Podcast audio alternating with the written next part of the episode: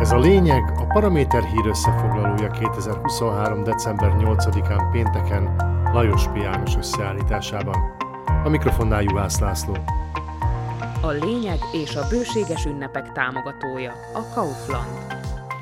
Egyre jobban látszik, hogy a Fico kormány elszámolta magát, amikor egy rohammal akarta eltörölni a speciális ügyészséget, enyhíteni a korrupciós ügyekben kiszabható büntetési tételeket és megrendszabályozni a rendetlenkedő vizsgálótiszteket. Boris Szuszko igazságügyi miniszter ugyan még mindig úgy védi a törvény módosításait, mintha minden rendben lenne, azzal védekezik, hogy csak azt szeretnék elérni, hogy ne ismétlődhessenek meg olyan esetek, mint az előző ciklusban, amikor meghurcoltak és jogaikban megtiportak ártatlan áldozatokat. Értsd ez alatt Robert Ficot, Robert Kalinyákot vagy éppen Tibor Gaspart.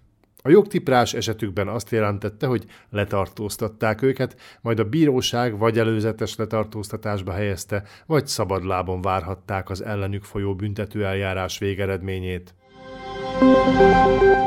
Az ügyben ma megszólalt Zuzana Csaputová köztársasági elnök, és gyakorlatilag bejelentette, vétózni fog. Elsősorban azt a gyorsaságot kifogásolja, amivel a kormány az igazságszolgáltatásnak ezt a fontos részét a kukába akarja dobni. A törvénytervezetet a héten mutatta be a kormány, a speciális ügyészi hivatal pedig már január 15-én megszűnne. Az államfő szerint a megszűnése veszélyezteti a jogállam működését Szlovákiában.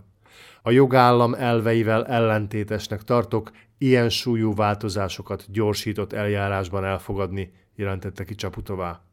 A köztársasági elnök szerint a tervezet elhibázottságát mutatja, hogy a módosításokat az ügyészi tanács is ellenzi, amely a kerületi ügyészségek képviselőiből áll.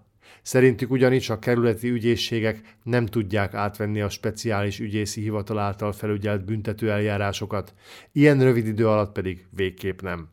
Csaputová nem zárta ki, hogy a vétó után az alkotmánybírósághoz fordul, főleg ez utóbbi lenne csapás a Fico kormányra, hiszen ha az alkotmánybíróság elfogadja beadványát, azzal egyben a törvény végrehajtását és ezzel a speciális ügyészség felszámolását is felfüggesztheti. Talán az elnöki vétónál is veszélyesebb azonban, hogy meglepően jól sikerült az ellenzéki pártok első kormányellenes tüntetése a kormányhivatal előtt. A szabadságtérre több ezren jöttek el tiltakozni a PS, az SAS és a KDH hívására, olyan sokan, hogy az a szervezőket is meglepte. Ráadásul nem egy húsba vágó téma miatt vállalták sok ezren, hogy fagyoskodva meghallgatnak néhány ellenzéki politikust, hanem olyan elvont fogalom érdekében, mint a jogállam védelme. A tömeg nem is annyira kormányra veszélyes, hiszen ritkán van olyan helyzet, amikor az utca képes kormányt dönteni, 2018 ilyen különleges alkalom volt, a közhangulat megfordulása sokkal inkább Peter Pellegrini államfői ambícióit fenyegeti. Látszólag ennek nem kellene befolyásolni Robert Ficót, nyugodtan folytathatná a speciális ügyészség ledarálását, de ha azt nézzük, hogy a Smer elnökének is fontos, hogy egy kormánybarát elnöke legyen a tavaszi választás után az országnak, akkor már nem is olyan veszélytelen a kormány számára egy hosszantartó utcai tiltakozás hullám. Az ellenzék pedig talán már feleszmélt a választás okozta sokból, jövő hétre meghirdette a tiltakozás folytatását.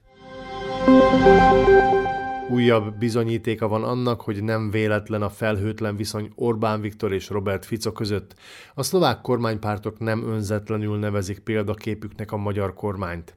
Kiderült, hogy a magyar kormány, konkrétan a miniszterelnöki kabinetiroda fizetett reklámban hirdette a menekült veszélyt a választások előtt Szlovákiában és Lengyelországban is.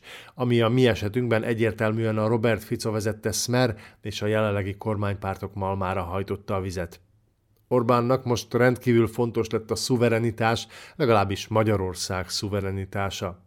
A Magyarországgyűlés egy emberi jogokat sértő szuverenitásvédelmi törvény elfogadására készül, hónapok óta kampány folyik az ellenzéki pártok ellen, mert megpróbálták külföldi pénzzel ellensúlyozni a választáson a Fidesz hatalmas kormányzati hátszerét, plakátkampányt indítottak Alex Soros és Ursula von der Leyen ellen.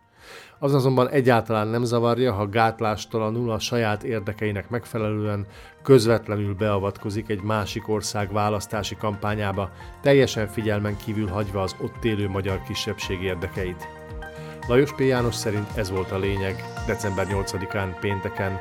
Kommentált hírösszefoglalóval legközelebb hétfő este jelentkezünk a Paraméteren szóban és írásban.